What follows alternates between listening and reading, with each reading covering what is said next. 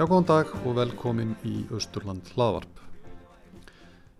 Östubrú held upp á sitt fyrsta stóramæli nú í vor eftir viðburðaríkan áratug. Frá stofnun hefur Östubrú unnið að fjölmörgum verkefnum á sviði markasetningar, atvinnutróunar, fræðslu og síðast en ekki síst menningar. Fáir þekkja menningarlífið á Östurlandi jafn ítalega og Signi Ormansdóttir yfir verkefn og stjóri hjá Östubrú. Um árabil var hún framkvæmtastjóri menningar á Söðsturlands þegar það var á hitt en hefur á síðustu árum sendt ímuskonar ráðgjöf til listafólks og frumkvöla í landslutanum meðal annars í gegnum uppbyggingarsjóð Östurlands sem hún hefur verkefnastýrt frá upphafi með tinnu Haldóstóttur. Ég heiti Jón Knútur Ásmundsson og í þessum þætti ætlum við að ræða við Signju um menningarstarfsemi á Östurlandi. Ég heiti Signju Ormansdóttir Ég fætt og uppalinn hér á Eilstöðum en hlutti burtu eins og margir að minni kynnsló til þess að fara í bæði mentarskóla og háskóla og þaðan til Danmarkur. Hlutti hér svo heim, aftur með starpaði börn og fjölskyldu og er hér enn.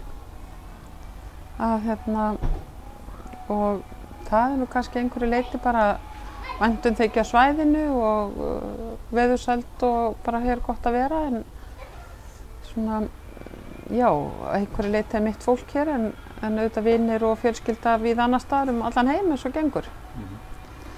Þú ert, uh, ertu hérna, þú klæðskýrið þig? Nei, það er ég ekki. Ég er uh, kennari í grunninn og tók textil sem val, já. en svo lærði ég vöru þróun út í Danmörku innan við textilbransan, það sem kallast á dönsku produktúðvikla. Þannig að ég er ekki í raun og verið hönnuður, heldur meira svona þessi aðlið sem ætti að vinna með hönnuði af þróa vöru. Já, og þú hérna lengi vel varst að vinna með hráefni híðan á sæðin, varst ekki, þú varst að vinna með skilna hrindýrum? Jú, jú. Já. Ég byrjaði fljótt, nei, ég var ennþá úti, menn sé ég námi þegar ég fekk fyrstu sendinguna. Því þá var, var hérna, Já, nýláttinn maður sem er annað aðstæðni að Danni, svo við kallum, frá Vafbryggu. Búinn að láta sig dreyma um það í tíma að fara að vinna í leður, heitir að, að skinnin, sem að var öllum hent og fekk það í gegn að það var sérst, unnið fyrir hann á, á Makureyri sem þá var.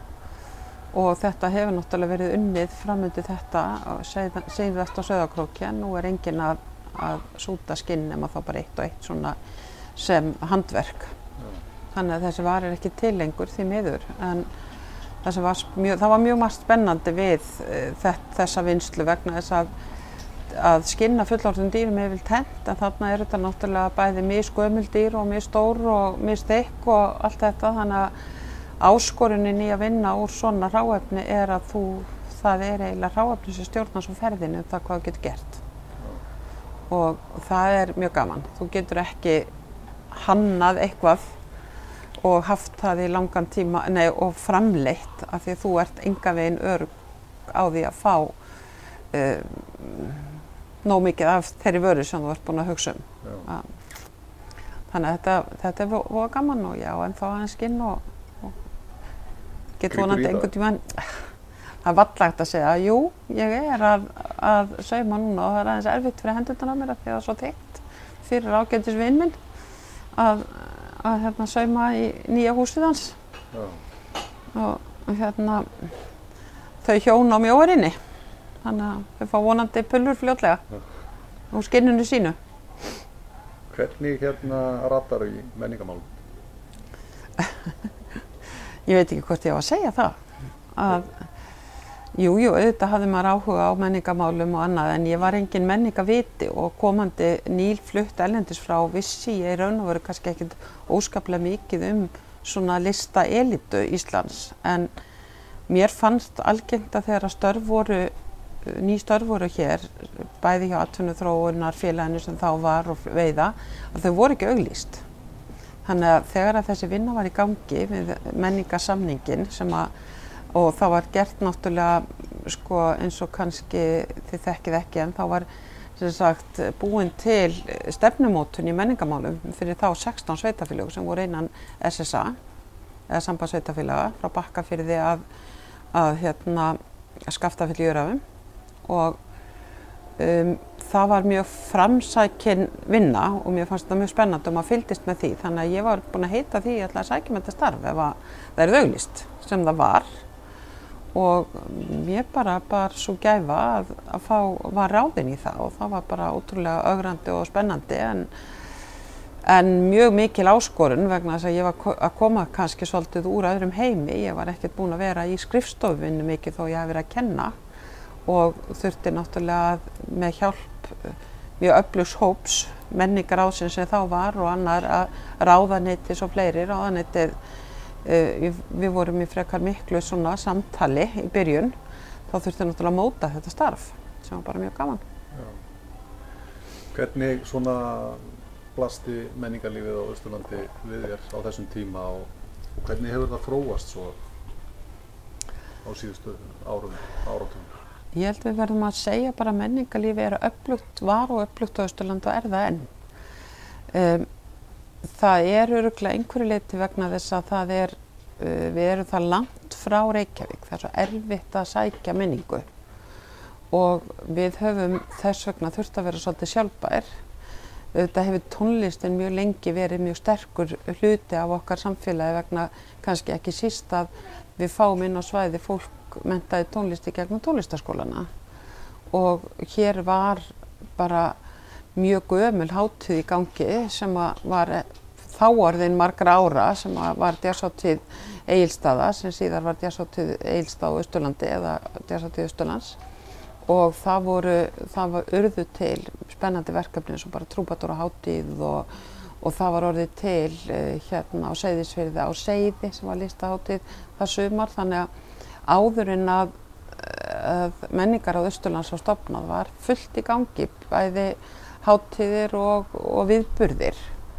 Nú fljótlega eftir eruðu svo til ennþá fleiri, uh, svo háttíðin og Bláa kirkjan en þetta var mjög tónlistamiðað og svo þekkjum við náttúrulega það sem gerðist svo áfram, Bræðsla og Eistnaflug og Hammond og, og svo náttúrulega Lunga sem er nú kannski eh, hérna svona skessir svolítið úr fyrir það að þetta er er listaháttið ungsfólks fyrst og fremst og það er náttúrulega frumkvöðlarnir þar, eða frumkvöðlinn þar var alla borgþórs sem að, sem að hérna startaði lunga á sínum tíma. Þannig að ég held að, en ég held að hefði skipt miklu máli að, að við byggum strax til þá fjórar menningarmiðstöðar. Það var sérst einu á hotnafyrði, einu á eskifyrði eh, sem nú er fjárðarbygg Seyðisfjörði og Egilstöðum og þær hafðu hversitt sérsvið og ég held að það hafi verið gefispor bara til þess að bæði að færi fjármakt dreift á, á svæðið og við værum að sinna ákveðnum sko, hvað var að segja, ákveðnum listgreinum Já. en allt byggir þetta eins og við vitum öll á öflur grásút þannig að, þannig að hérna ég nefndi tónlistarskólan áðan en við getum líka bara tekið leikfélögin. Ja. Þau eru náttúrulega búin að vera feikilega öflug, öflug lengi og það var mjög gaman að fylgjast með bara uh, barnaleikústarfinu sem var á Fáskursfyrði og Reyðarfyrði þegar ég var nýbyrjuð og, og uh, það var bara öflugt og ótrúlega metnafullt því miður ekki til lengur en, en hérna á leikfélag fljóstaðsýrað hefur verið og Seyðisfyrði og víðar sko. Þannig að, að, og svo hefa, hafa náttúrulega smá saman bæði fyrir samstarf við, uh, já, svona ákveði samstarf á, í, á landsvísu og ekki kannski síður á bara alþjóðlega vísu, orði til uh, það að uh, frekari verkefni og ekki kannski síður bara að fólk hefur flutt á svæðið og látið sig við koma samfélagið sem það býr í. Og þar er kannski má nefna Sigur Guðmundsson á Djúpavogi og hvað hann hefði búin að gera fyrir það svæði og hvað bara verkið hans í Gleðivík hafa vakið miklu aðtegli og er bara aðdráttur fyrir Djúpavog og svo er hann náttúrulega núna komin inn með Þór Vigfursinu og fleirum með sapn og, og er mikið að gerast. Það er, það er stöðug finnst mér þróun. Þannig að... Er þetta starfa sem listanóður á Östurlandi? Já, ég held að það sé hægt en það er auðvilt fyrir mig að segja það sem er á förstum launum.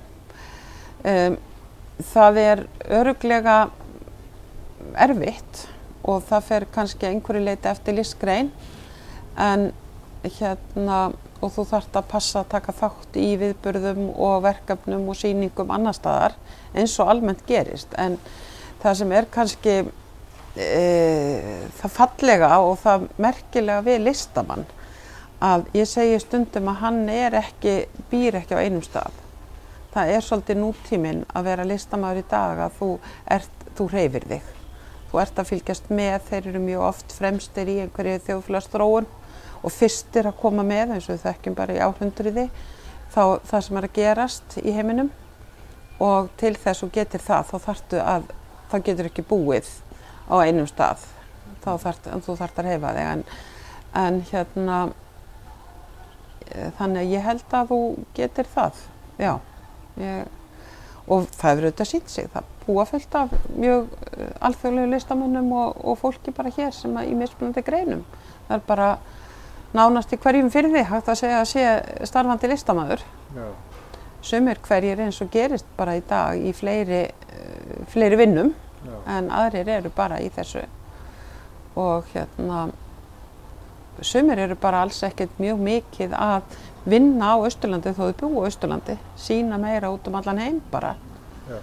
og hérna og kannski samfélagi veit bara sá lítið af þeim. Að, hérna, en aðrir auðvitað mm, veit fólk meirum Ta Talandi um svona þá svona vitund almennings á menningar og listalífi maður svona hefur orðið þess áskynja á síðustu árum að maður er að svona og hefur séð að það hefur verið að nota kannski meira list í almenningsrýmum og séð hérna að listamenn eru notaði til þess að skreita já, stað eins og eigirstæðarflugvöld og jável bæir eins og neðskurstaður hérna fær til sín listamenn sem skreita veggi hér og þar mm -hmm.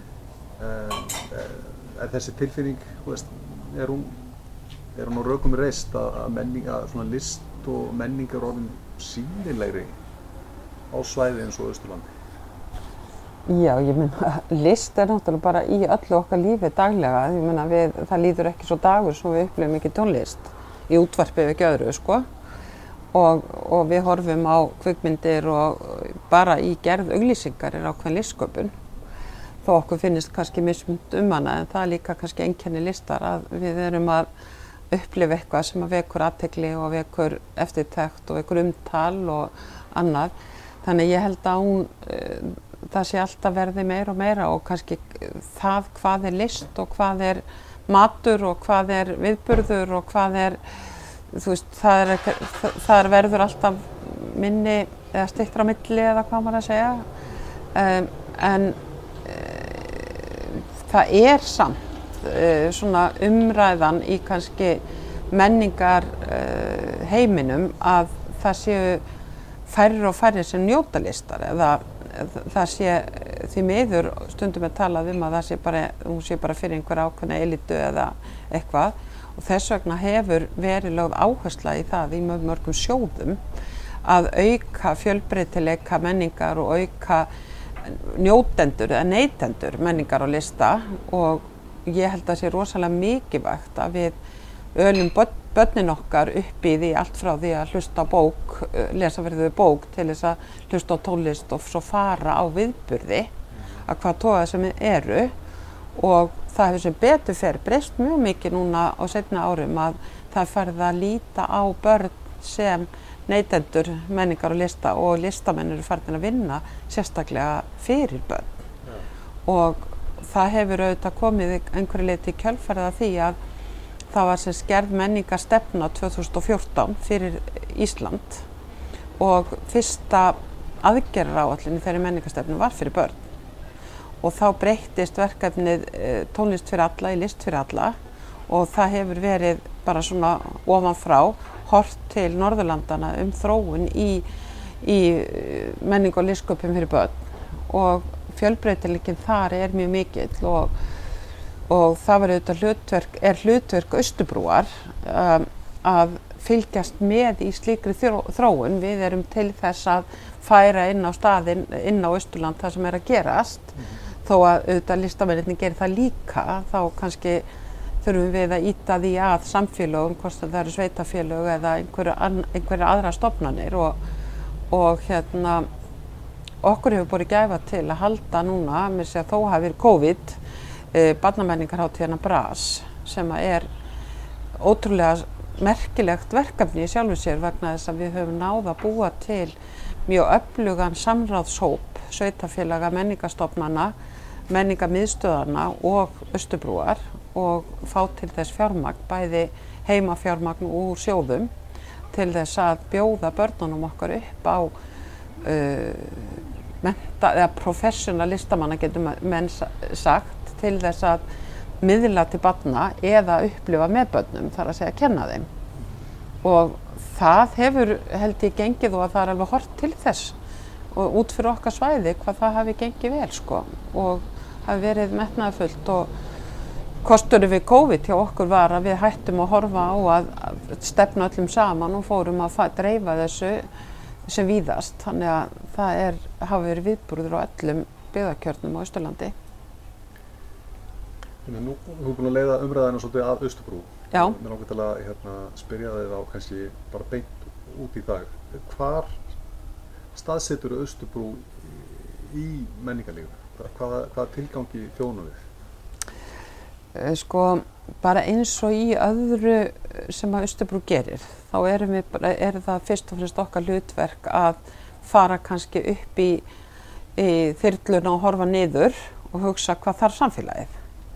Hvað er, hvað er þörf á að samfélagið hvað getum við sem þróunarstofnun uh, gert fyrir samfélagið okkar? Hvað er, hvar er vöndun hvað eru tækifæri?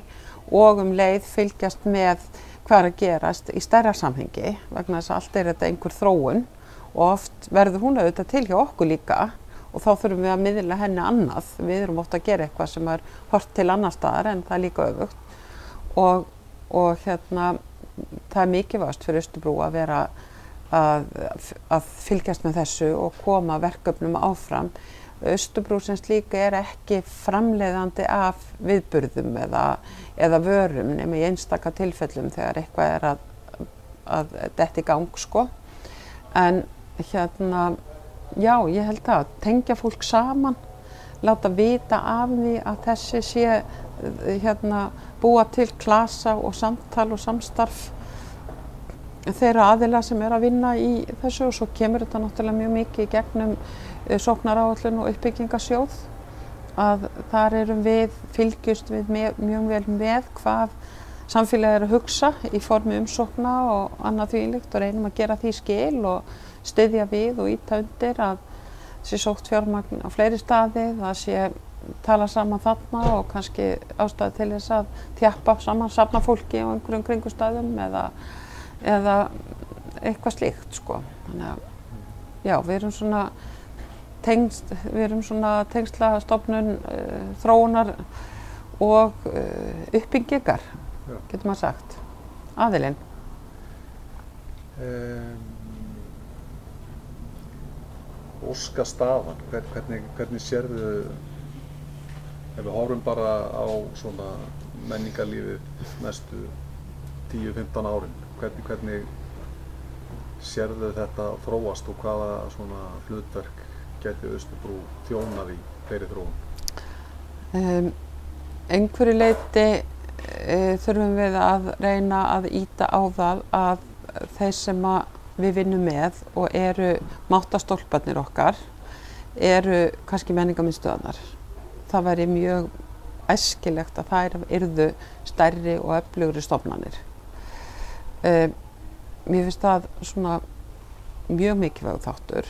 Við þurfum að huga að börnunum og að menningin og, og listin dafni í jamt framhanskólanum okkar sem grunnskólanum.